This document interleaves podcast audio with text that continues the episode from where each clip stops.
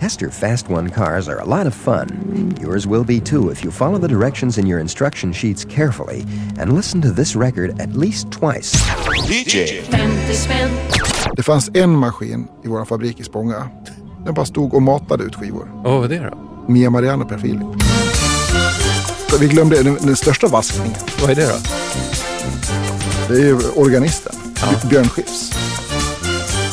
Det var ju alltså, jag sa ju yes på Valium eller yes på Rohypnol eller Steely Dan på Rohypnol eller sånt där. Vad känner du när du upplever The Blås Masters? Eh, Jag gillar ju sånt här när det, svänger och, och eh, just de här, de här eh, perkus, per, perkussiva inslagen med, det här väldigt lågt. Ja, de har en gurka med. Ja, Mm. ja. Jag kör det här som liksom så musik bara för att komma in i stämning Ja. här.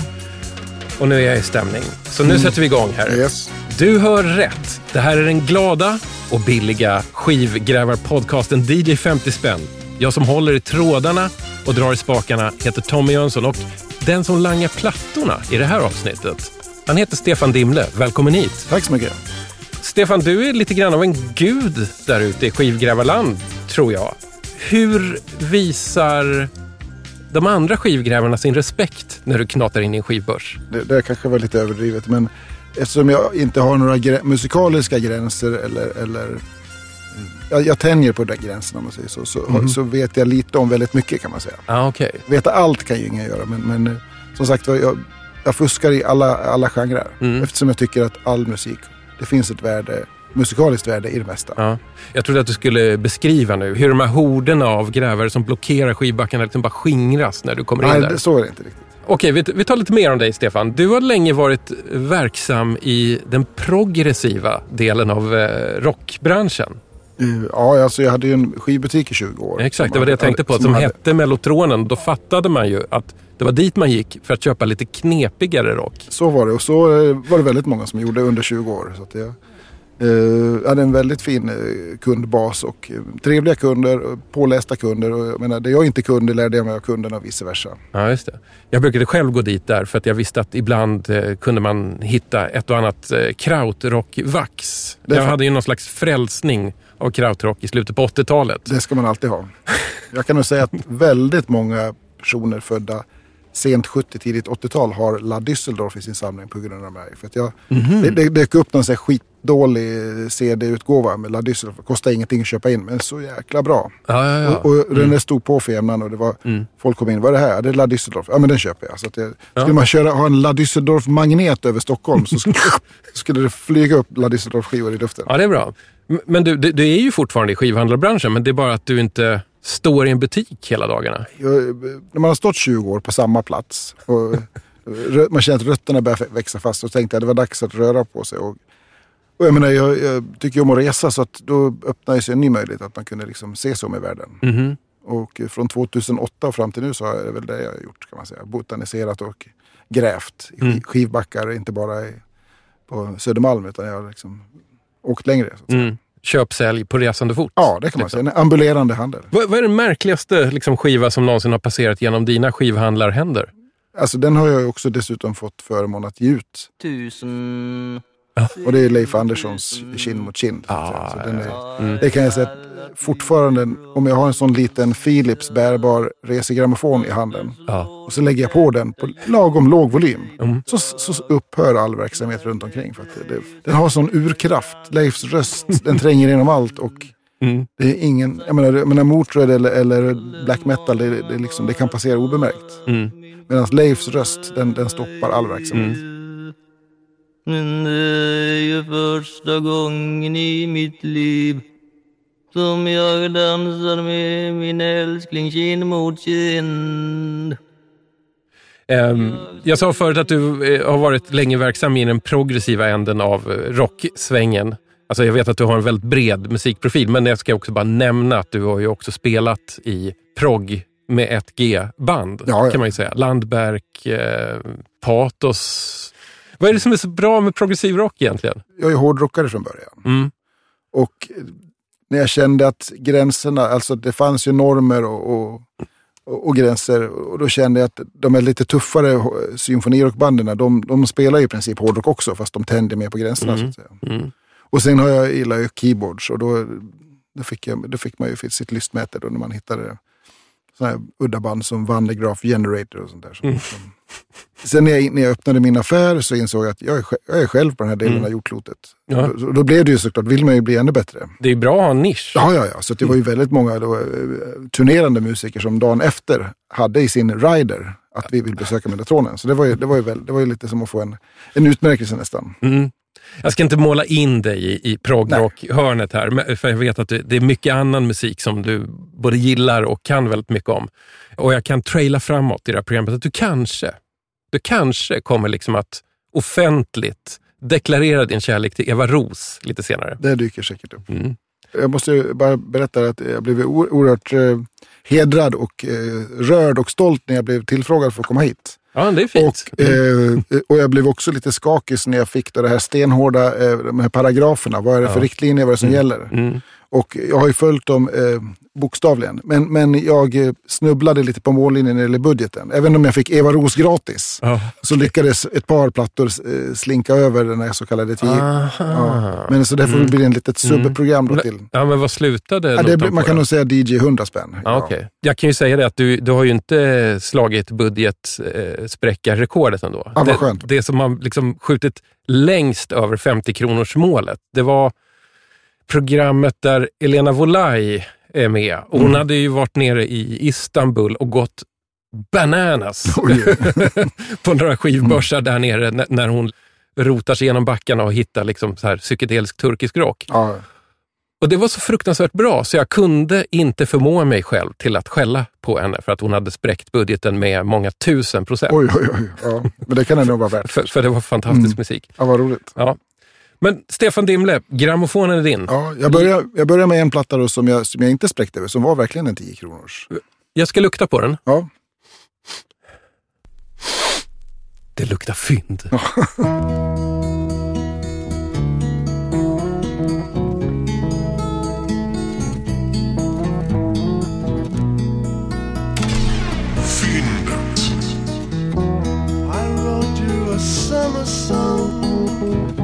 about the wind and the sea.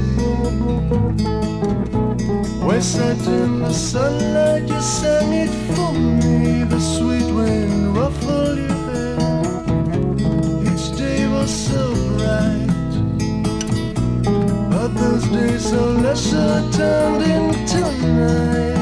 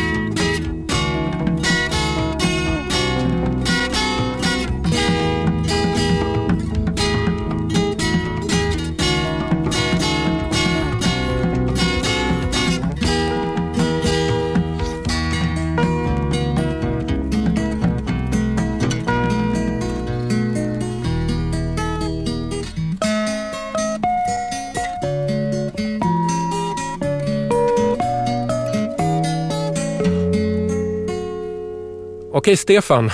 Det här var jättefint. Vad är det för någonting? Eh, Cymbelin från Norrköping, en trio då som startade 65. Mhm. Och som någon slags do it yourself-band med akustiska gitarrer. Och sen levlar de upp och levlar upp. Och sen giss, nu kan jag bara gissa, det, jag är bra på att killgissa. Ja, ja, men jag med. Ja, och att de, de fick kontakt med Roger Wallace på MNV.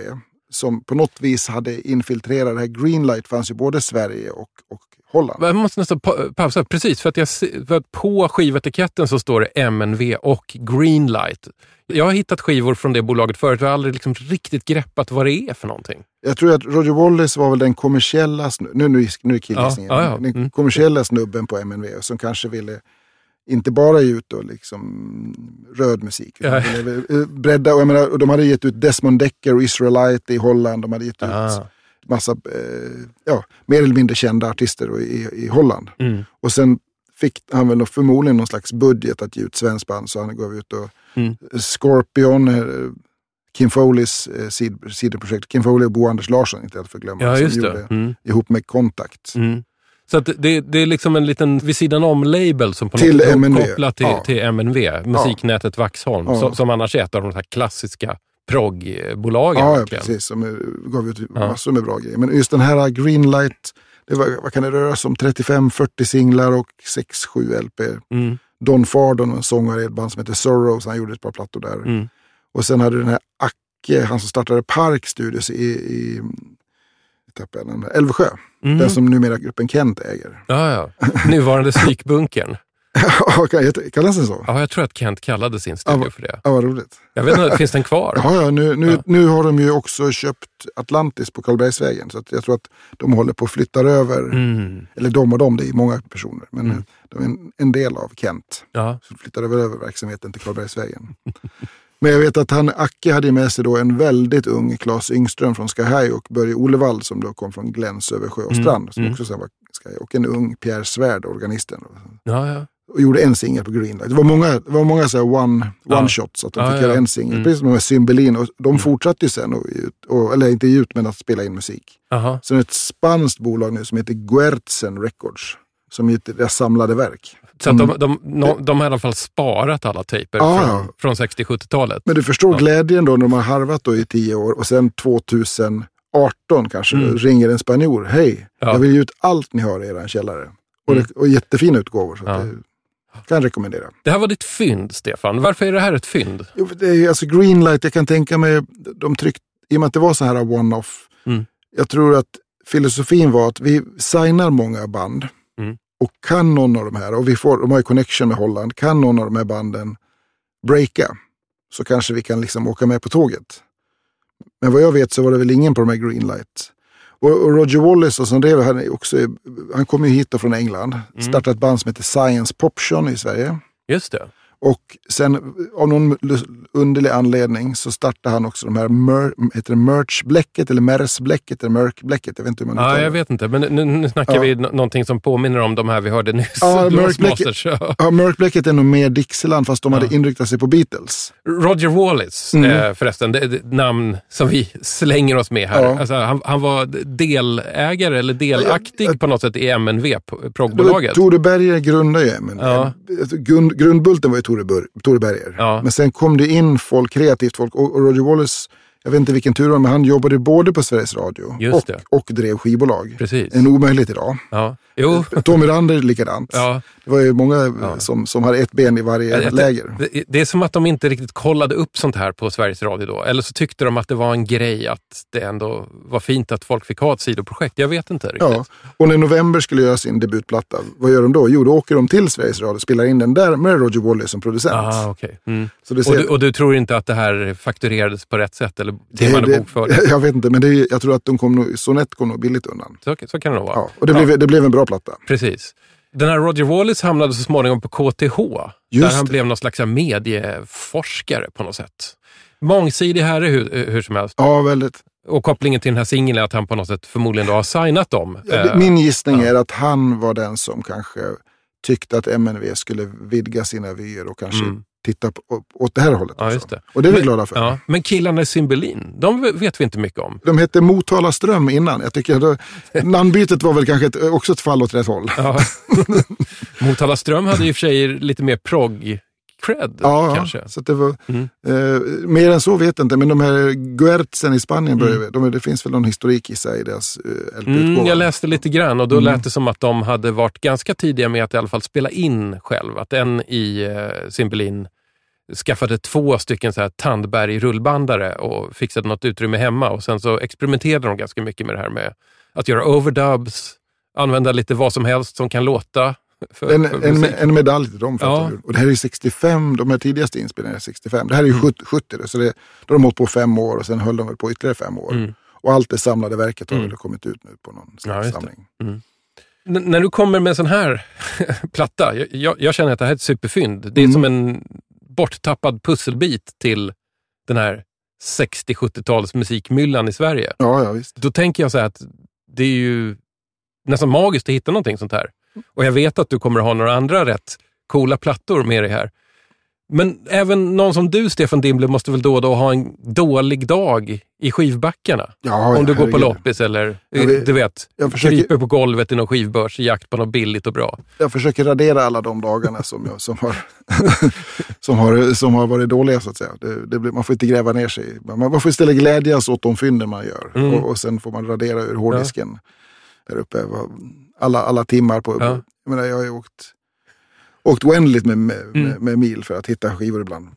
Och till det här programmet så åkte du upp till Dalarna har jag förstått. Ja, jag, jag kan säga så här. Min, min turné i sommar har varit Karlskrona, eh, Jylland, eh, Själland, Mm. Skåne, Västergötland, Dalsland och Dalarna. Utan att röja några hemliga kantarellställen, vilket är det bästa skivgrävarlandskapet i Sverige? Om du tar min karriär som, som eh, arkeolog Mm. Så får jag nog säga att de bästa fynden har jag nu gjort i Hälsingland. Faktiskt. Ja. Hörru, hittade du något eh, nostalgiköp? Ja, som barn var jag hårdrockare Mhm. och eh, besökte då eh, skivbutiken Heavy Sound på Regeringsgatan 89 i Stockholm. Ja. På deras högra vägg hade de alltid då 35 senaste nyheterna.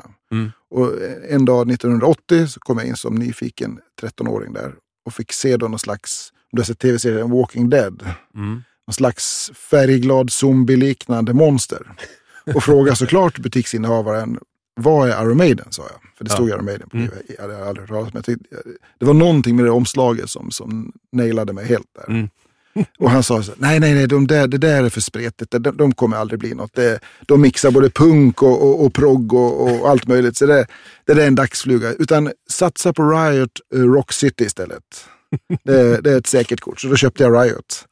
Men jag kunde ändå inte eh, släppa eh, det där omslaget. Och sen när den släpptes i vanliga butiker, för det här var en slags import då, som var lite dyrare. Ja. Då gick jag ändå och köpte den här med, och blev helt blown away. Ja. Och lika glad som jag, när jag, när jag fann Maiden, lika ledsen blev jag när jag hörde att deras sångare Paul Diano hade fått sparken då, två år senare. Mhm. Och den nya sångaren tyckte jag inte alls var lika bra. Jag tyckte det var ganska, den där Number of the Beast, jag förstod ingenting, tyckte inte det var speciellt bra. Mm. Utan jag fortsatte lyssna på ettan och tvåan. Och köpte tidningen Kerrang, som heter hårdrocktidningen. Ja, Och ja. där stod det att den, att den här Bruce Dickinson då hade haft ett band innan. Då tänkte jag, det är kanske lite bra. Nostalgiköpet.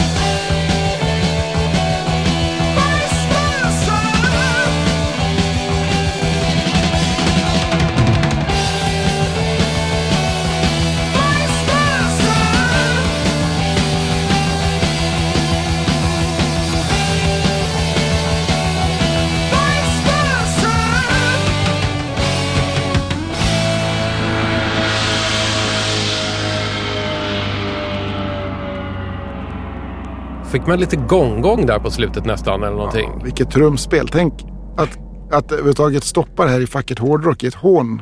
Jag menar, det är ju jazz. Jo, men, drömsk ja, men, jazz. men det, alltså, det är det inte också att här, liksom metal det är också en känsla? Så här. Du behöver inte alltid vara stenhårt. Det ska finnas bara liksom en hård känsla i det. Ja, ja. Men Men, det här- men det här är så... Men jag håller med om att trummisen är ju inte riktigt den här eh, superbrutala metal-trummisen, utan det här är ju någon som, ja, jag vet inte, han kanske egentligen tänkte på jazz när han Ja. spelade det här. Förmodligen är det en jazztrummis som dolde sig då bakom en... Jag menar, att, idén att ha en hemlig, en, en hemlig medlem som sitter i en tigerbur på scenen. Liksom. Ja, just det. det är väldigt nära Spinal Ja. Tap. Vi har alltså hört Samson, Vice Versa, som är en singel som du har eh, faktiskt grävt upp på en loppis i Dalarna, eller Ja, en skivbörs i Dalarna. Ja, den spräckte... Ja, den spräckte är, det här, är det här singeln som sabbade 50 kronors Ja, budgeten? den här, den, jag kunde inte bara, men, men Ja. det var ändå, den stod inte bland eh, där den skulle stå, så därför kändes det som att den, Ja. den, den ska med hit. Ja, vet du vad? Det, det är helt okej, för jag Mm. har aldrig tidigare hört eh, Bruce Dickinsons band från innan Iron Maiden. Men Nej. nu har jag gjort det. Mm. Och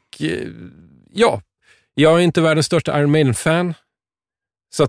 Jag kan säga det här, kom undan med det. Jag tycker det här är bättre än Iron Maiden. Ja, jag håller med. och, eh, och jag passar ju då på, på bokrea såklart, att Mm. köpa Bruce Dickinsons memoarer. Ja, hur är de? Ja, han är vilken kille. Jag menar, han- han flyger runt engelska miljardärer på fiskeresor i i någon slags jumbojet på fritiden. Han kan eh, tågtidtabeller och han...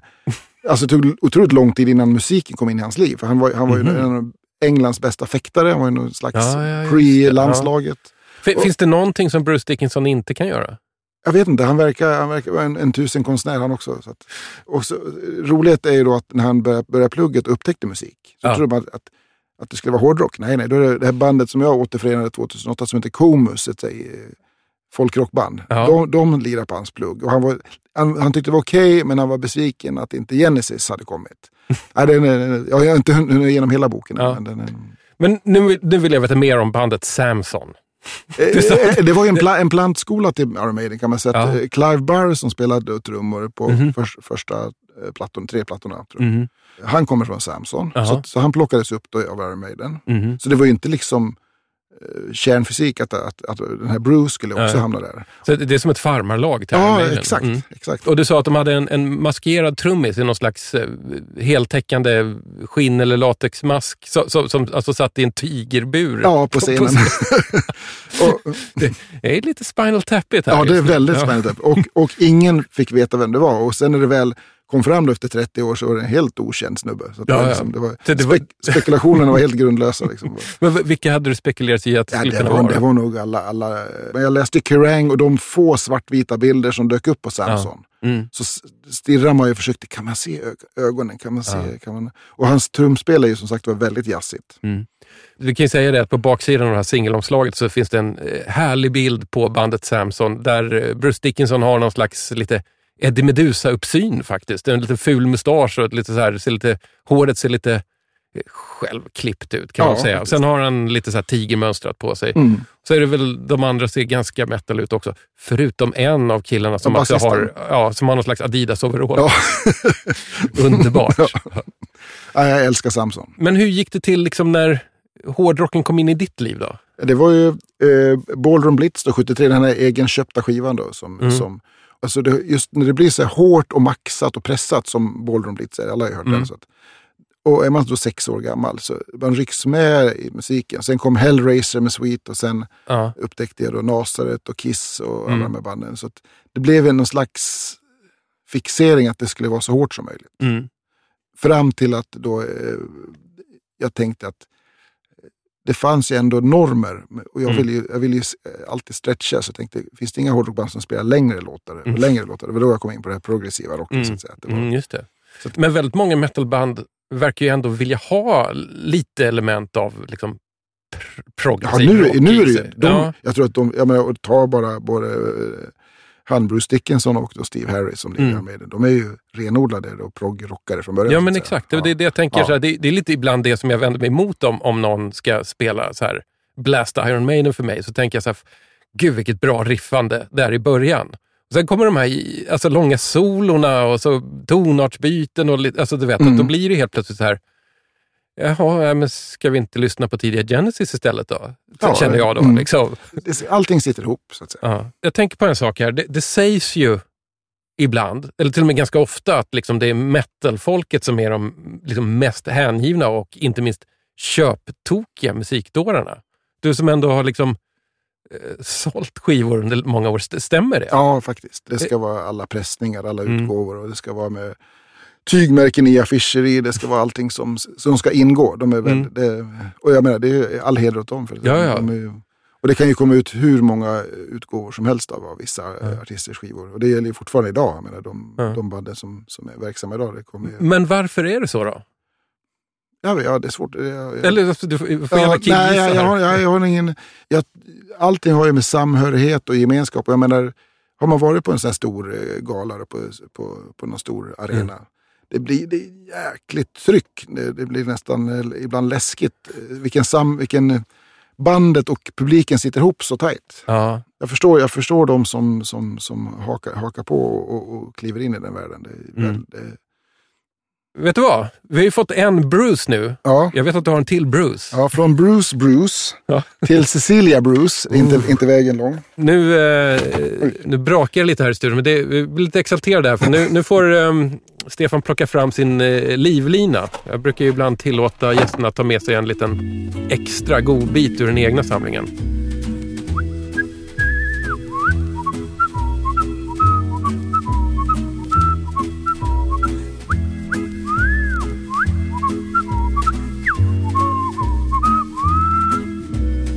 Har du vitaminbrist så ta en tablett. Ta en tablett, ta en tablett. Mot huvudvärk och kärlekssorg, ta en tablett och sen går hela livet lätt. Ta, ta, ta, ta, ta, tabletter, ta tabletter, ta tabletter, ta tabletter, ta tabletter, ta tabletter, ta, ta, ta, ta, ta, ta tabletter, ta tabletter, ta, ta, ta, ta, ta, en tablett banta ner dig så ta en tablett Lägg av din korsett och ta en tablett Och kan du inte somna så ta en tablett Och sen somnar du komplett Ta, ta, ta, ta, ta, ta tabletter, ta tabletter, ta tabletter, ta tabletter, ta tabletter, ta tabletter, ta, ta, ta, ta, ta, ta, ta tabletter, ta tabletter, ta, ta, ta, ta en tablett vill du slappna av så ska du ta en tablett och vill du sätta sprätt så ta en tablett och sen så kommer trötthet som efterrätt så du får ta en ny tablett. Ta, ta, ta, ta, ta, ta, tabletter, ta, tabletter, ta, tabletter, ta, tabletter, ta, tabletter, ta, tabletter, ta, ta, ta, ta, ta, ta, tabletter, ta, tabletter, ta, ta, ta, ta, en ta, inte ha barn så ska du ta en tablett. Det är ett enkelt sätt. Ta en tablett. Sen får du kanske blodpropp av samma tablett och du far till lasarett. Ta, ta, ta, ta, ta, ta, ta, ta tabletter, ta tabletter, ta tabletter, ta tabletter, ta tabletter, ta tabletter, ta, ta, ta, ta, ta, ta, ta tabletter, ta tabletter, ta, ta, ta, ta en tablett. Tänk att kunna lösa problemen så lätt När något går snett så ta en tablett Och skulle du till sist på detta liv bli mätt Så säg farväl med en tablett Jag har alltid tänkt på det här som en liksom, lite rolig novelty-singel, men det är ett mörkt slut. Alltså. Det här är dark på riktigt. Det här är också så hyperaktuell text. Har varit då i, i, i, i 50 år. Menar, allting hon rabblar upp här från, från mat till sömn till pig, pigga upp till självmord. Ja, liksom. ja, allting Mm. fixas med en tablett. Så det, det är lite, man tänker Povel Ramel i sina dystraste stunder fast ännu mer dark. Ja, dark Povel Ramel. Ja, det kan man säga. Ja, Cecilia Bruse säger jag. Ja. Hon kanske uttalar Cecilia Bruce. Vi har faktiskt ingen Nej, aning. vi vet inte. Nej. Hon, hon lever ju så vi kan ju ringa. Borde egentligen ha gjort det innan, men eh, det har inte Jag gjort menar, det. hon, är född då i Järvsö, Ja. 35. Tre år senare föds Barbro Svensson i samma by. Så det är två sångfåglar. Mhm. En är väldigt produktiv. Mm. Och en skickar väl förmodligen in någon tejp eller anmäler sig till Hylands hörna då 62. Hylands hörna startade Ja. 61. Mm. Så att första året då. Och blir antagen och får komma dit. Och då är ju, jag menar, för de flesta är ju karriären utstakad. Har man fem minuter i Hylands hörna, sen var det klart. Precis. Men Cecilia Bruce blev inte den där jättestjärnan ändå. Nej, hon, Låten är känd, men... någon, någon på redaktionen där tyckte väl att den här Vem vill gå hem med mig eller vad den hette. Som, och då den EPn som släpptes då 61, Mm. då, då heter det kort och gott TV-fyndet. Du förstår liksom hur stort Hylands hörna var. Så att, det, liksom, behöver- det say, say no more. Liksom. Ja. Mm. Och, och då gjorde hon den här tv-fyndet eh, vill du, Vem vill gå hem med mig? Mm. Och sen gjorde hon en till då efter fem år. Och sen efter ytterligare fem år, alltså tio år senare, så kom hennes tredje då, sista. Och det är den här ta, ta. Hon s- skriver allt själv. Ja. Arrar förmodligen sångstämmorna. Och standard för tjejer på den tiden, det var att de hade sig själv på omslaget. Cecilia har en bild på Ljusnan, en, en, en, en, då älv då i Hälsingland. ja, men det det är så roligt. Att, att helt plötsligt så inser jag att, att det här är ju en protest. ja, ja, det här, artist, är, det här liksom. är ju... Jag har aldrig hört den där låten om Ljusnan. Kan vi inte bara köra Ja, en liten bit av den? Det finns ju någonting satiriskt, liksom, Mm. samtidsgisslande i Ta en tablett. Ja, ja. Men, men om det är en låt som, som heter En visa om Ljusnan som tydligen då ska vara ett upprop för att liksom så här skydda Ljusnan från Ja, ja, hon vad vet om- jag, vattenkraftutbyggnad. Då vill Ja, jag höra hur, hur det låter av Cecilia Bruce. Hon sjunger om Wallenberg och alla så de namnges. Säg vem äger elden som brinner och vinden som blåser förbi? Och vem äger ljusnan som rinner? Herr Wallenberg, säg, eller vi? Nu rullar debatten som handlar om vatten, alltså kilowatten. Ska Ljusnan leva eller dö? Ska de som har pengar bestämma och ändra natur och miljö? Ja, En, pro, en protest ja, så god som någon. Jag gillar den här. Hon, Ja. klämde, hon klämde till Wallenbergarna Ja. också. All respekt till Cecilia Ja. Bruce alltså. Ja, tre, tre singlar mellan 61 till 71. Ja. Och sen har hon ju då varit då eh, lärare, trubadur, författare, skribent, debattör, Ja. idégivare, dramatiker, skådespelare, allt möjligt. Men ingen, man vet inte var, var, vart hon är och hur. Men det, det dags att släppa den här på extra tjock vinyl till nästa Record Store. ja, hon, hon, le, hon lever ju som releaseparty på Mosebacke kanske. Med Cecilia.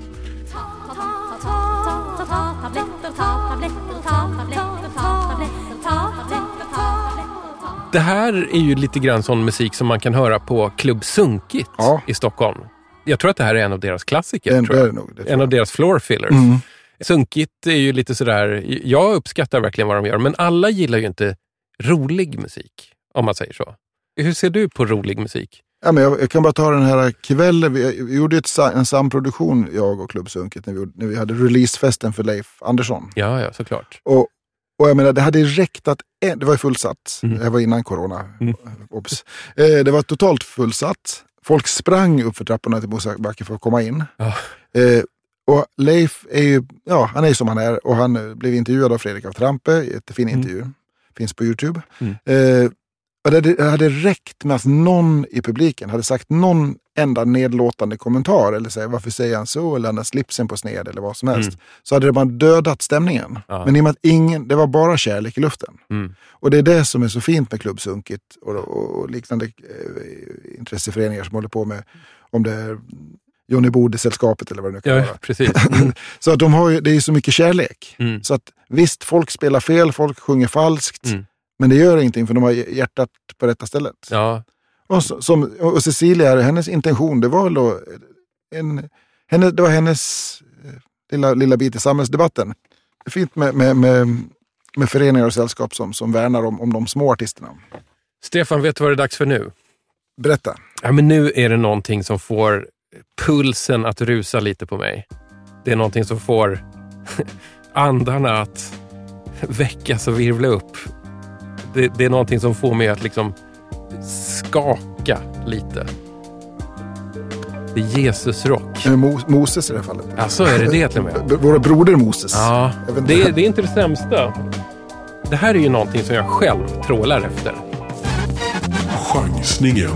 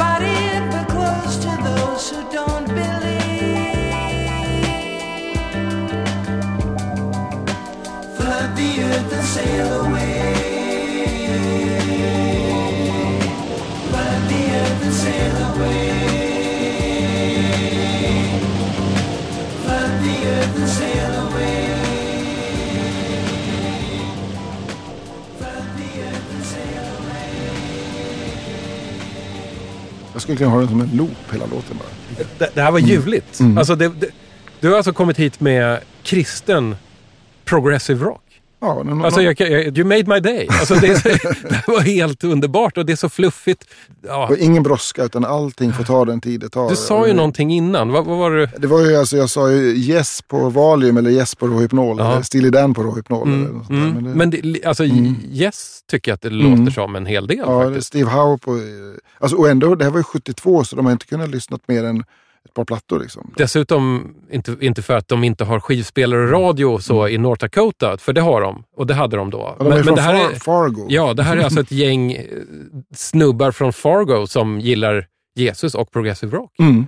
Och jag köpte den eh, i tron om att det var svensk connection. Du hade då Julian Elofsson och Ja. Dave Hansson. Ja. Det var därför, det nyfikenheten. Sen såg jag de här religiösa, Ja. Mm. Salvation, Brother eh, Moses. Jag, jag, jag är så bortkollrad nu, så jag har glömt att berätta vad det här är. Det, det, det är alltså Overland Stage, heter bandet. Och låten hette, vad heter den? Brother Moses. Brother Moses. Halleluja. Ja. Från Ja. 72 alltså, på, på en platta som bara heter typ Overland Stage. Ja, va? och så konstigt gruppnamn också. Jag tror att det där Overland kommer från en sån här diligenslinje som kanske möjligtvis gick genom Dakota-territoriet på Mm. den tiden. Att det, att det, är där. det är väldigt prärie på något sätt, Ja. om man ser på omslaget i alla fall. För det, för jag, jag, jag blev ju nyfiken på de här svenskättlingarna, men jag har inte hittat någonting. Men däremot, däremot gjorde de en singel redan 69 i, i Kanada. Jaha. Som heter Airplane och She Can't See What I Can See. Mhm. är det någonting du har hört? Ja, det finns på Youtube. Så Ja. det, var, det var lite så här garagerock med lite punkkänsla. Så det var inte alls... Och det är också bra. Alltså det Mm. är två underbara världar som möts. Så att, Ja. eh, jag hoppas att, att någon gör som eh, Cymbelin, gräver upp allting med Ja. Overland Stage. Ja. Men det här tyckte jag var ett superfynd. Men det här var vad du chansade på. Ja. Får jag höra lite, hur, vad, vad gick genom ditt huvud när du bläddrade fram den här skivan och tänkte att det här kan vara någonting? Ja, först bläddrade jag förbi eh, omslaget är ju alltså ett, ett gruppfoto på en, ett, fem killar som står 200 meter bort. Så du ser, du ser egentligen bara himmel och lite, lite, Mm. eh, lite North Dakota sand. Ja. Nu, nu kommer jag på vad eh, omslagsfotot föreställer. Det lilla bandet på prärien. Ja. ja, det kan man lugnt säga. det låter Ja, faktiskt lite ja. som det nu. Alltså det, det är ett präriesound, Mm. skulle Så, jag säga. så namnet sa mig ingenting. Overland Stage kändes Nej. bara konstigt. Och bilden sa mig ännu Nej. mindre. Så när jag vände så såg jag de här Elofsson Hansson. Så Mm. då tänkte jag, ah, Det var det som var- svenskar i North ja. Dakota. Men du, brukar du leta efter Jesus-rock annars? Det finns ju några experter, du och ett par till här, som, Mm. som jag i så fall har som eh, ciceroner. Mm. Så att säga. Så att jag, jag vill ju plocka russinen ur kakan. Så att Ja. De som har lagt ner mycket tid, de kan ju då hjälpa mig att såll, sålla det, det de tror att jag inte behöver. Ibland tror jag att jag fantiserar om att det finns mer häftig Jesusrock där ute än vad som kanske verkligen finns. Men, men det, det handlar också om att man kanske helst ska gräva i USA, tror jag.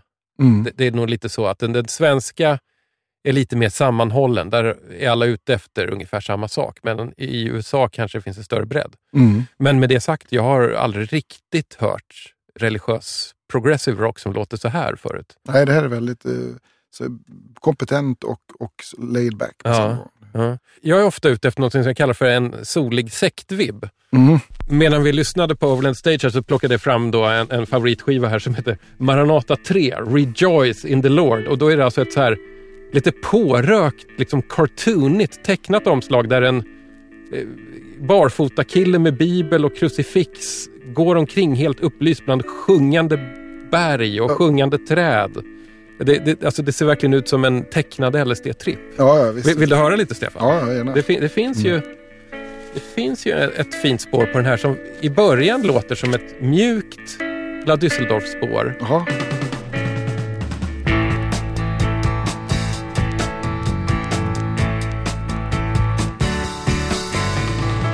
Och sen eh, liksom ganska snabbt så växlar det över till någon slags verklig så här milt rockande. Jag, jag, det är ändå så att jag kan beskriva det på här, men du får ett smakprov här. Ja.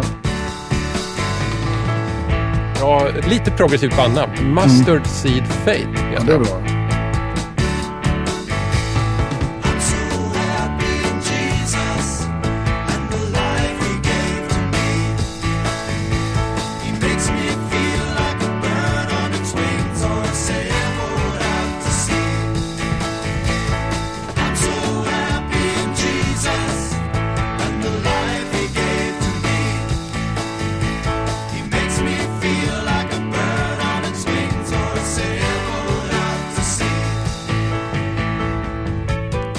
En solig känsla av att vara i en evig sektlycka på Ja, något sätt. Jag, ja. jag, jag, det enda sättet jag kan beskriva det på.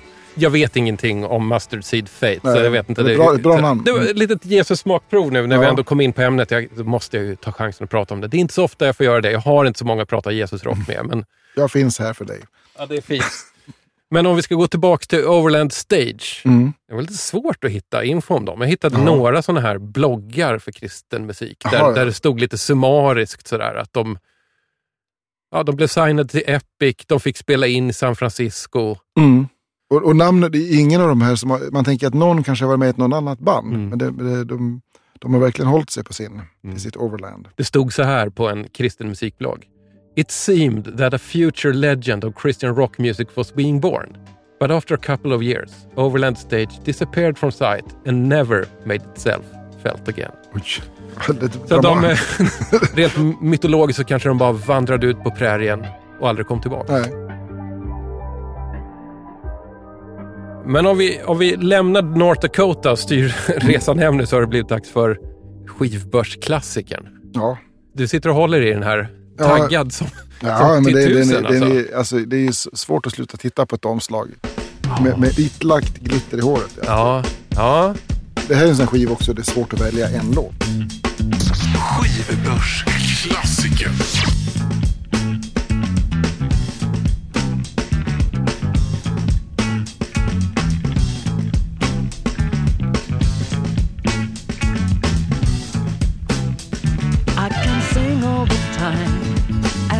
All your wine. Just have a good time with me. But the thoughts in my mind and the wind on the land, the dust of the sand are free. Your second-hand thoughts and clothes that you bought is really a thing to see. You shed all your eyes and tell all your lies. Are what you want to be. Has it always been the way that you wanted? Was this what you meant all the time? You take every favor for granted. Just live life, life will live with me. There isn't a doubt that you have worked out a way to become the queen. The dance steps you take, the smile that you fake is really the latest scene. The money is found every time you're around. You cover the ground with green. Then the vultures arrive to make the big dive into places where you have been.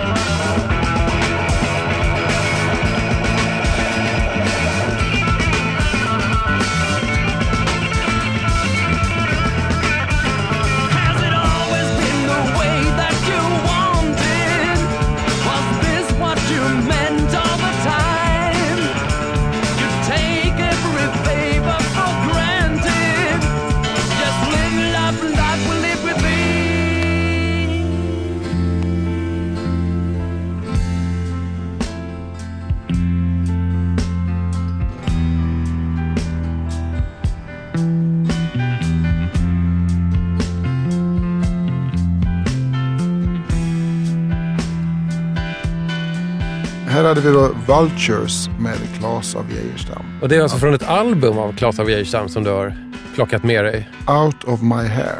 Out of my hair. Och det är därför som det är blänk i håret på omslagsfotot. Förmodligen. Ett tjusigt omslag. Det är ett sepiatonat Mm. eh, porträtt av en lite slimigt leende Claes av Geijerstam. Och så blänker det i håret. Det är fina grejer det här. Mm. Vad bra det låter. Enormt bra. Jag menar, han var ju, man skulle kunna prata ett, bara, ett program bara om Klabbe. liksom.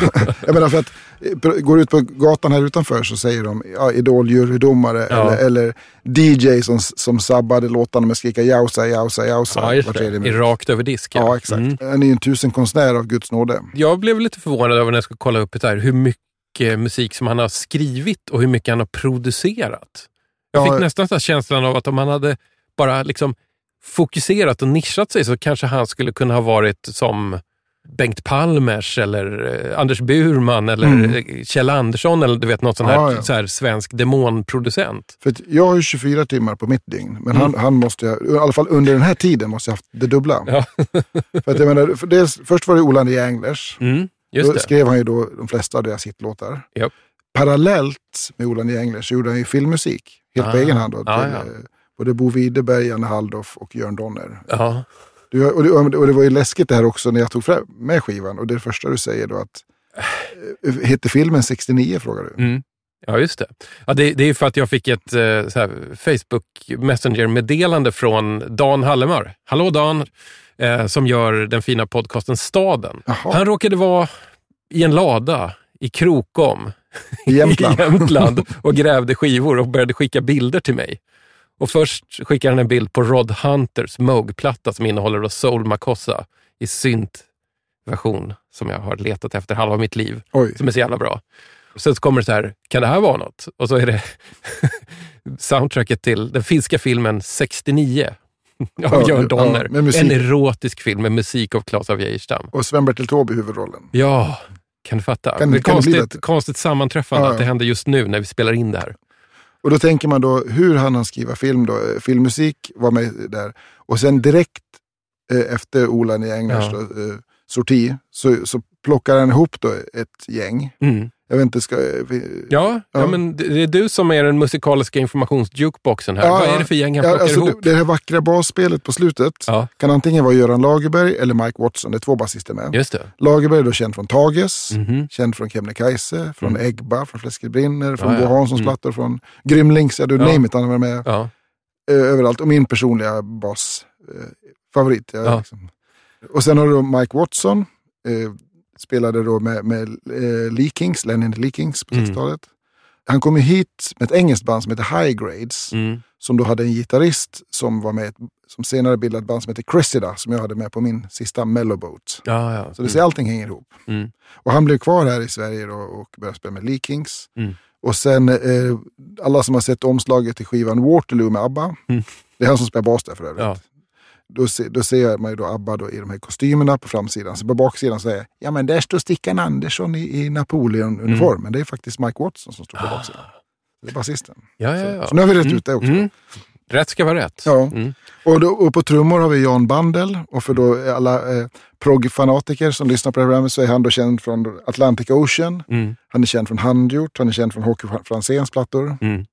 Du har Janne Schaffer, du behöver väl ingen närmare presentation. Nej, Jan- Janne Schaffer som förmodligen inte såg dagsljus på hela, hela 70-talet för han spelade in skivor varenda dag, Exakt. varenda timme. Och det här görs ju då strax innan Bob Marley kommer till Sverige. Han är med Mm. på de här Vills och tro soundtracket. Så att, Mm. Och du har då på, även på gitarr här har du Tommy Körberg. eh, från ja, Solar Plexus och... Alltså, och, och förlåt, är, är det inte att vaska? Ja, att ha Tommy Körberg på gitarr? det är väl en, en otrolig vaskning. Ja, Det ja, det, och du har ju då eh, Björn Linder som var med ett gammalt eh, Boråsband som heter Palmes. Som Mm. även finns på bild ihop med Olof Palme för att de heter Palmes. eh, han, han blev sedan vä- värvad till Tages när de döpte, döpte om sig till Blond. ja. Lirar då i princip alla de här Melodifestivalen-uttagningarna i Sverige på 70-talet. Är med på Agneta Fältskogs Elva kvinnor i ett hus. Mm. Bra Han, platta. han är med på Runesson-plattan. Ja. Den även, det finns det flera riff där som han spelar som Aha. sen Benny plockade upp till ABBA. Mm. Mm. Och du har då eh, tekniker Lasse Rosin som Mm. då eh, var tekniker på, på stor del av alla tunga EMI-plattor på den tiden. Ja. Och sen på väldigt många dansbandsplattor och har hjälpt mig på otaliga projekt. Men med Cressida som vi nämnde, han har Ja. hjälpt mig med Leif Andersson som vi nämnde. Men all, alla de här namnen som du Ja. sprutar ut som en vulkan nu. de har samlats runt Klabbe här, Ja. Klas av Geijerstam, Ja. för att göra vad då? Att spela in hans solplatta, vi glömde den, den största vaskningen. Ja, vad är det då? Det är ju organisten, Ja. Björn Skifs. Sveriges Steve Winwood får spela orgel. Ja. Vilket gäng! Ja, ja. Det, det är verkligen så här, vem är vem i svensk musik? Alla är liksom med på den här skivan. Ja, ja, verkligen. Och, och, Otroligt. man kan ju ibland säga ju fler kockar desto sämre soppa, men Ja. här är det faktiskt tvärtom. Ja. Här är det verkligen... Men, men jag, jag gillade hur det här lät. Alltså, Mm. det var det här lite så här funky drumming i början. Det finns någonstans där i början, när, liksom, när det börjar riffa igång, så är det en liten så light känsla av sympathy for the devil. Fattar du vad jag menar? Mm. Ja, ja, visst. Jag hade någon bara liksom så här spelat ut det i luften och så här, så här vad tror du det här är? Så Ja. hade jag inte sagt Klas av Geijerstam. Nu snodde du mina ord där. För Ja, att ja, jag sa förlåt. in, äh, nej, nej, det var bara bra. Pre- Pre-internet Mhm. så var det här den ständiga liksom, gissningsskivan. Man Ja. skulle gissa och ingen kunde gissa på Klabbe såklart. Och, och då tänker man liksom eh, att ja, den här kom ut, ska han då turnera med det här gänget? Vad ska han göra då? Nej, då bildar han Marsfolket ihop med ungefär samma killar som här. Mhm.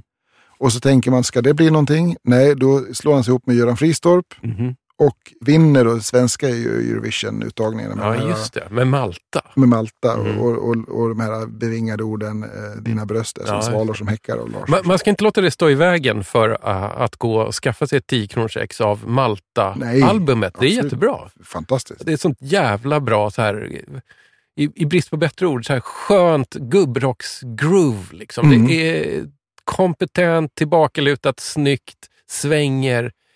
Det låter väldigt mycket bättre än vad man är van vid att svensk musik kanske lät vid den här tiden. Mm. Även om svensk musik ofta lät bättre än vad man tror. Mm, Jag förstår vad jag menar. Ja, visst. Men ändå eh, fint att, att då vinna då, för, slå, peta ut ABBA då i, i uttagningen där. Det är ganska Just stort. Det. Och sen då tänker man då, eh, vad hände sen? Jo, då, eh, när, när ABBA kommer med revanschen med Ja. Waterloo, Mm. vem, vem vill de ha som ljudtekniker? Jo, Klabbe. Och hur länge hänger, häng, live, alltså live-tekniker. Ja. Och hur länge, länge hänger han kvar? Jo, han hänger kvar hela tiden. Han är med i Australien, han är med Ja. överallt Mhm. och kör live-ljudet. Samtidigt som han åker på två USA-turnéer med bandet Rocket som han bildar ihop med Novembers trummis Björn Inge. Och det här var ju då ungefär då när Sweet Kiss och Alice Cooper slog. Ja, ja, ja. Och de körde då, eh, skulle slå i USA var det tänkt jag, men Mm. körde kanske för mycket covers. Det var Queen, det var till och med bandet Babe Ruth. Det är inte alla som kör Babe Ruth-covers. Babe Ruth är väl nu för tiden kanske mest ihågkomna för att de hade ett jävligt bra trumbit i någon låt som sen samplades till två miljarder hiphop-låtar. typ. Jaha, okej. ja. Ja, just det. Ja, nu- mm. Typ. Mm. Men, men eh, och då tänker man, allt det här skedde samtidigt. Ja. Och han var dessutom programledare för programmet Upp och Poppa. Där Ja. då Frank Zappa dök upp och Manfred Ja. Mann dök upp och alla, alla Mm. möjliga dök upp. Och, och, och han började då sin DJ-karriär i samma veva. Men alltså, okej, nu, nu, hur, hur, fick han, hur fick han det här gå ihop alltså? Nej, jag fattar inte. Jag fattar inte. många- Om vi skulle ringa till Claes, Mm. om vi skulle ringa så här, hej Klabbe, hur fick du tiden att räcka till under 70-talet? Skulle han kunna svara på det? Jag vet inte. Och glöm inte, han lyckades också i den här Villevallan då, Mm. 74 snappa upp, han är en av de få som fick tag på Leif Andersson-singeln också 74. En av de här fem exemplaren som är kända. Va? Det, det var ju såklart Klabbe. Ja, Hur, hur då? jag vet inte, jag, jag känner inte karln så jag har aldrig pratat Men med hur honom. vet du att han, Nej, han hade, det, det var en skivbörs i Stockholm som köpte in den av honom. Och då hade, hade han haft det sedan den kom ut. Så att, samma veva som han sitter och roddar ljudet åt ABBA, Ja. åker på USA-turné och spelar med Malta. Då, oj, här var Leif Andersson, den här måste jag snappa upp. Alltså, jag, och- ja, jag har inte ord. Helt Det- jag, vet du vad, jag ska göra så här. Jag, jag ställer mig upp. Jag Vi- gör, jag gör en honör Ja. åt det hållet jag tror att Klabbe är just nu. Vi lovebombar Klabbe. Ja, ja, men det, det här var fantastiskt. Jag har aldrig riktigt funderat på vad Klabbe gjorde hela dagarna på 70-talet, men nu tror jag att det kanske är det enda jag kommer kunna tänka på ett par veckor. Ja. Och sen den här plattan då som är helt fulländad. Det är, det är faktiskt den enda skivan som jag har med mig idag. Mm. Det var svårt att välja låt. För att alla är lika bra. Så du menar att Klabbe har gjort en sån här Inte ett svagt spår-LP? Ja, Jag tycker den här kan jag lyssna på utan att skämmas rakt igenom. Fantastiskt. Och, och jag menar, vad ska man beskriva? Du, sa, du, du, var, du var väldigt bra när du sa lite sympathy for the devil. Ja, men det, det är någonting i början Ja. som alltså, drar åt det hållet. Eh, Men Ma- jag, ja. ma- man skulle, vissa låtar skulle man nästan kunna tänka, undrar om Paul McCartney hörde den här innan han skap, bildade Wings. Mm. ja, just det. Ja, det har den vibben Mm. också. Mm. Och det här är din liksom, skivbörsklassiker. Ja, den här, alltså omslaget, nu, ska vi, nu, nu har vi lovebombat Klabbe, Mm. Mm. så vi kan också kosta på Ja, oss. nu vara kommer kritiken. ja, skivomslaget är för lökigt. Eh, Klabbe med den här eh, lilla stjärnan i håret och det här, det här stomatol-leendet. Mm. Eh, den släpptes även i Frankrike. Och då, men då hade de tagit bort framsidan och tagit baksidesbilden när han sitter med akustisk gitarr som framsida. Mhm. Det var väl lite, vet jag, men jag tror inte den slog i Frankrike heller. Men, Nej. Men apropå um, liksom skivbörsklassiker. Du som har varit skivhandlare i, i decennier. Om du, kunde, om du kunde få bli liksom skivbörsdiktator över landet. Vilka skivor där ute är du så trött på så att du skulle kunna tänka dig att dra igång en eh, liksom landsomfattande insamling av för att sen skicka ner slutförvaret någonstans långt ner i urberget? alltså, jag, jag, har ju, jag ser ett värde i alla skivor så att säga. Men, men, men visst, eh, och jag älskar, jag älskar Barbara Streisand, men, men hennes Guilty-platta har man inte sett klart. Har man inte Nej, sett den ja. tillräckligt många gånger. Mm. Alltså folk tjatar om Pelle Karlsson, men jag, menar, Mm. jag tycker nu, nu börjar de faktiskt sina. Jag tycker inte, var, jag, jag, I sommar, jag har ju säkert varit på 25, 30, 40, jag tror inte jag har sett någon Pelle Karlsson. Är det sant? Ja. Men Guilty står kvar? ja, den står kvar. Hur, hur länge sedan är det du lyssnade på Guilty? Ja, jag, Barbara Streisand har jag faktiskt lyssnat på bara häromveckan, Ja. med hennes tidiga plattor. Mhm. Men just Guilty-plattan vet, minns jag inte. Du kanske ska ge den en spinnen då? Ja, den är det, förmodligen för man fantastisk. ja, men det är väldigt fint när, Mm. när Barbara och Barry Gibb går in i det här smootha Mm. tillsammans där. Det låter väldigt fint alltså. Och din kompis i Krokom, han skickar ju bild på den här Ann-Louise Hansson-skivan som, som håller på att ta över Pelle Ja, just det. Karlsson-titeln här nu. Jag tror att den bara heter kanske Ann-Louise. Mm. Mm. Ja, den är ju rätt vanlig. Ja. så där har vi, där har vi eh, eh, Ja. Ba- Barbara och Ann-Louise får nog... Eh, ja, för jag jobbade på Grammoplast 1988. Ah. Och det, det var det året när skivförsäljningen slog alla rekord. Eh, Look Sharp kom med Roxette. Den flygande holländaren kom med, med Cornelis. Ja. Vi hade eh, Rattle and Hum med U2. Mhm. Men det fanns en maskin i vår fabrik i Spånga som var isolerad. Den bara stod, den bara stod och matade ut skivor. Vad var det då? Mia Marianne och Per Filip. Och det var en skiva som var, då, var fem, nästan 15 år gammal, eller 12 år gammal. Va, va, va? Vänta nu. Ja. Vi snackar alltså sent 80-tal. Så 80, står det 80, en, en maskin som- en skivpressmaskin som bara sprutar ur sig Mia, Marianne och Per Ja, och har gjort så sedan, släpp, sedan plattan släpptes. Jag vet inte vilket Köptes alla de här eller var det liksom... Ja, någon har ju beställt dem. Det, är ju, det, är, det låg ju orders inne.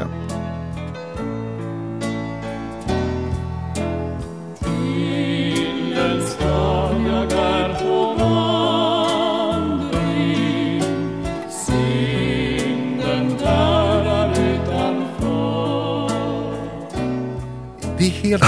det här, det 15 känns- år efter att skivan släpps. Så, så, och då ska du veta, då slog vi alla, när jag jobbade där, vi, Ja. vi fick åka den där Strömsholm, Strömsborg, vad heter den där ön som är mellan Sheraton och Gamla stan. Mm. Där fanns det en Stockholms lyxigaste krog. Ja, just det. Det, vi blev- bussade från skivfabriken ibland för att äta lyxmiddagar för att skivbranschen slog alla, alla tänkbara rekord. Ja. Så där satt vi skivpressare då och, och, och käkade lyxmiddag med, med Pernilla Wahlgren och company.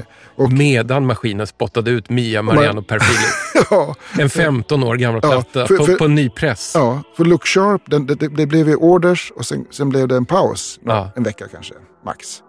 Och sen samma sak med Flygande Holländaren eller, Mm. eller YouTube. Men, men Mia Marianne och Filip, Filip, Per Filip-maskinen, den, den bara matade. Det här är det mest fascinerande jag har hört i det här liksom väldigt nördiga samtalsämnet någonsin. Ja, och, och vart är de idag? Vart är skivorna? För att den är inte så himla... Den finns på loppisar, Ja. men den är inte så himla vanlig. Så den borde vara eftersom det fanns en maskin som bara gjorde Marianne för, för Filip. Ja, Man ser ju ofta dem i loppisbacken men jag har aldrig tänkt på att de skulle vara vanligast. Och det här är, de, de har gjort ganska många. Det här är den när de, när de har en fond av gröna blad. Det var röd, det står Mia Marianne och Per Filip med röd text. Ja, ja. Och sen är det gröna blad i bakgrunden. Väldigt, de ser väldigt bra ut båda två tycker jag. Ja. För jag, jag åkte ju på skitjobbet ibland och packade de där skivorna. Ja. Så jag, jag, jag, mitt, mitt DNA finns på väldigt många Mia Marianne och Filip.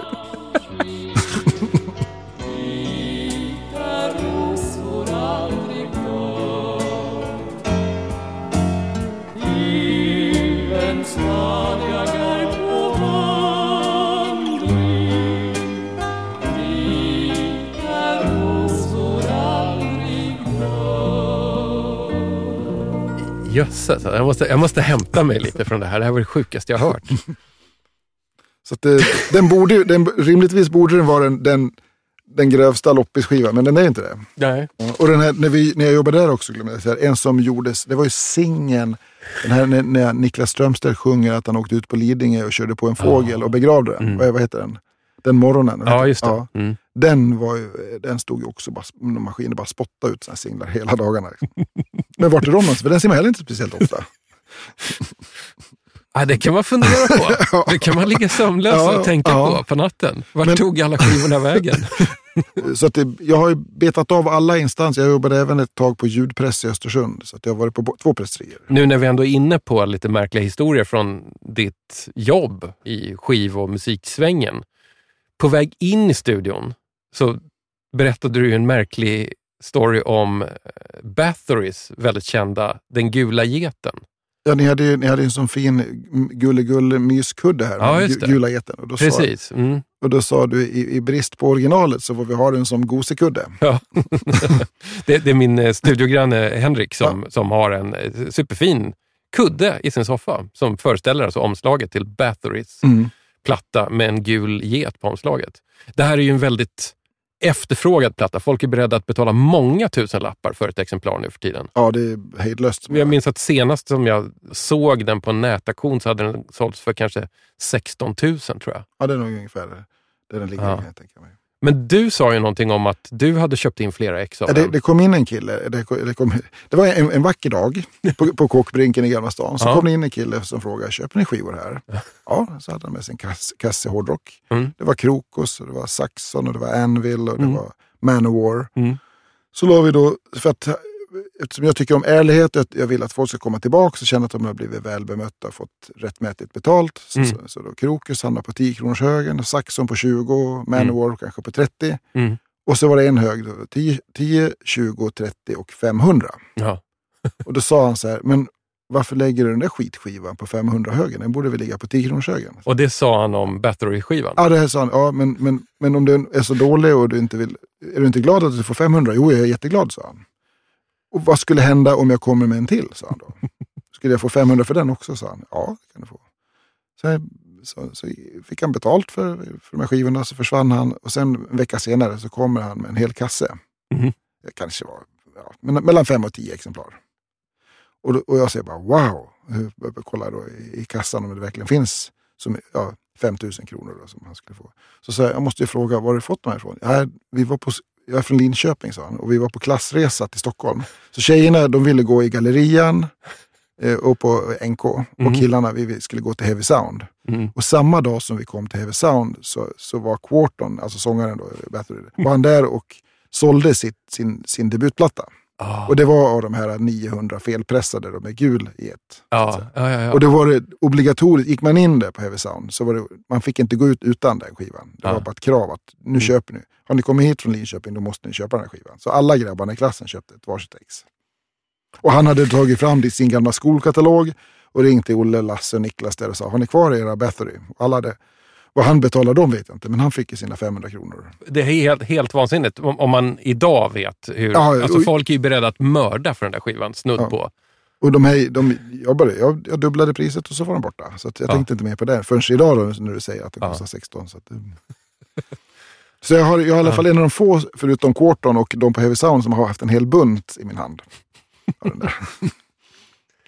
Vet du vad jag tycker att vi gör nu? Nej, Vi slänger på din eh, slumpmässigt uppdragna skiva, för jag Ja. måste smälta de här vilda skivhandlarstoriesarna. det kan vi göra. oj, oj, oj. Och det här var verkligen, jag gjorde verkligen som, som, som jag blev. Mm. Du må ha spräckt budgeten, men du har i alla fall gjort en random access vinyl. Du ringer ner i telefon hos mig Fastän jag alltid säger nej till dig. Men ditt besvär det har du inget för. Var vänlig ring mig inte mer, du bara stör.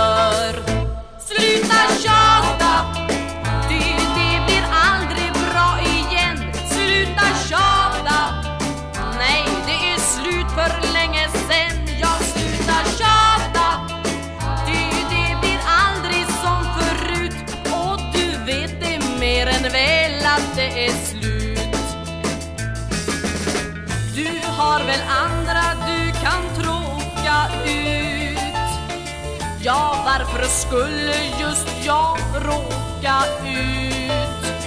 Du vet ju att jag ändå inte vill. Så ditt tjat tjänar inte något till. Sluta tjata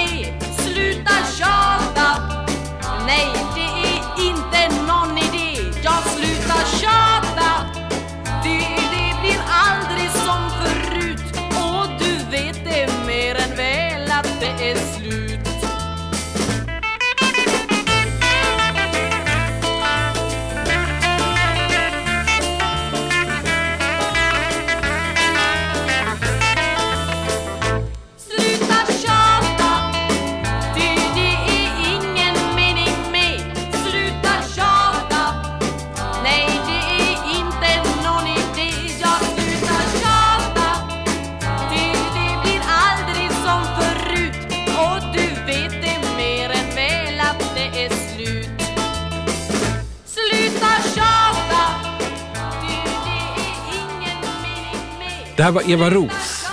Ja, alltså bara det här kommandot du gav mig. Ja, Du ska ta en, en, en platta i blindo. mhm, Det kan ju bli vad som helst. verkligen. Men jag, kan, lo- jag får lov att säga B-sidan på den här skivan. Det är en samlingsplatta på EMI-disk, någon form av lågprisvariant. Mm.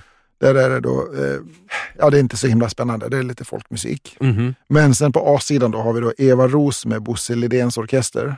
Ah. Och låtarna kommer då, det, hon gjorde då en EP då på Colombia 64. Mhm. Eh, och den här Sluta tjata heter ju egentligen då Stop the Music. Och jag, jag blev kär direkt i den här låten. Mhm. Eh, för att det var, så, det var så bitter och skön text. Liksom. Men så kände jag igen den, så började fan är inte det här Leakings? Aha.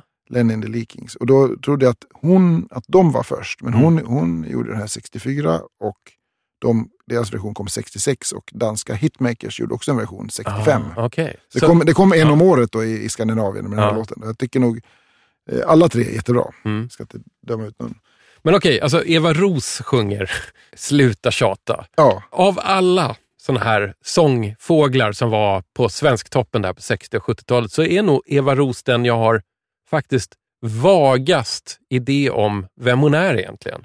ja, jag har ju då, jag minns ju det här programmet som heter Karl Anton i Vita bergen. Ja, just det. det, Och där det, dö- ja. Där dök hon upp som någon slags stockholmsk Eva Rydberg kan man säga. Hon Mhm. sjöng liksom kupletter och lite Mm. schlagers. Och det var, Mm, ja, hon passerade liksom. ja. Och nu, nu när, du, när jag tvångsmässigt fick lov att köpa den här för Ja. att eh, det var så, reglerna, att följa reglerna, så blev jag så otroligt glad att, att för att, eh, det är inte bara den här, jag hade också svårt här att välja. ja. Och, och prata om tjat, så låtarna heter då Är det så här när man är kär? Mm. Nästa låt heter Kär, kär, kär. Mm. Liksom. Ja. Sluta tjata. Ja. All heder till Eva Roos, hon har fått ett nytt fan i mig. Jag, Ja. jag har till och med köpt på mig några singlar här, efter att jag hittade den här för att jag tyckte att jag måste utforska hennes. Ja. Och, och Eva hade jag, precis som dig, ingen koll på, men hon debuterade då som 13-åring. Och då gjorde hon två EPs, en som heter Polly och en som heter Gabby.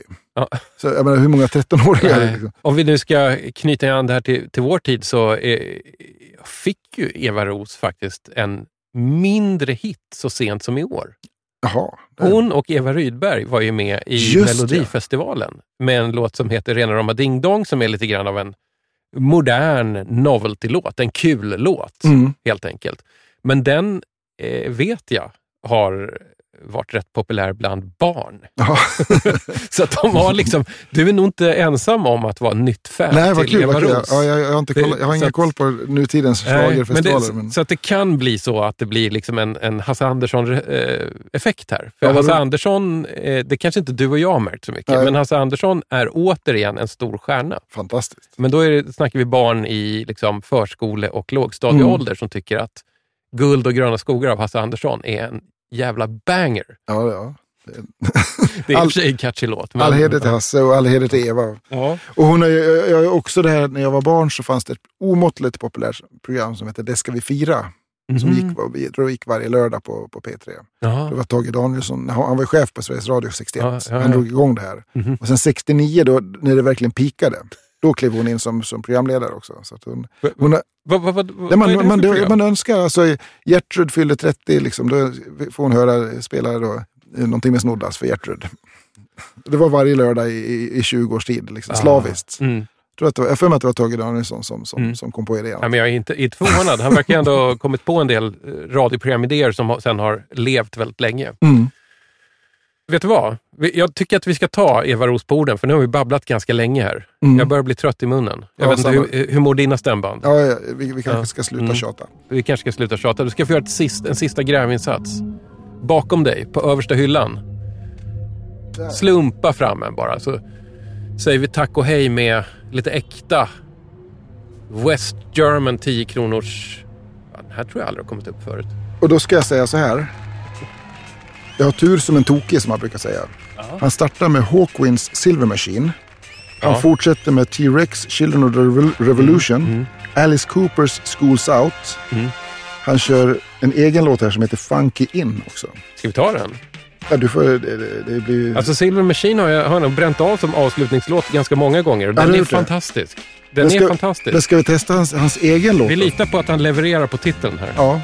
Vet du vad? Kan det bli mer lågpris-vinyl så här? James Last på Polydor och så tar man ut skivan här och kollar på etiketten så står det “Specially produced for Readers Digest”. När man satt hemma och läste en, en, en, en kärleksnovell så fick man lyssna på James Lasts version av Schools Out. Okej, Stefan Dimle. Det har varit en jävla resa att ha dig här i studion. Vet du det? Det jättekul att få vara här. Jag kommer aldrig sluta tänka på den här skivpressen som år ut och år in sprutar ut Mia Marianne Perfili. En blivande skräckfilm. Vad blir ditt nästa skivgrävarstopp då? Eh, landet tror du? jag ska till Sandviken.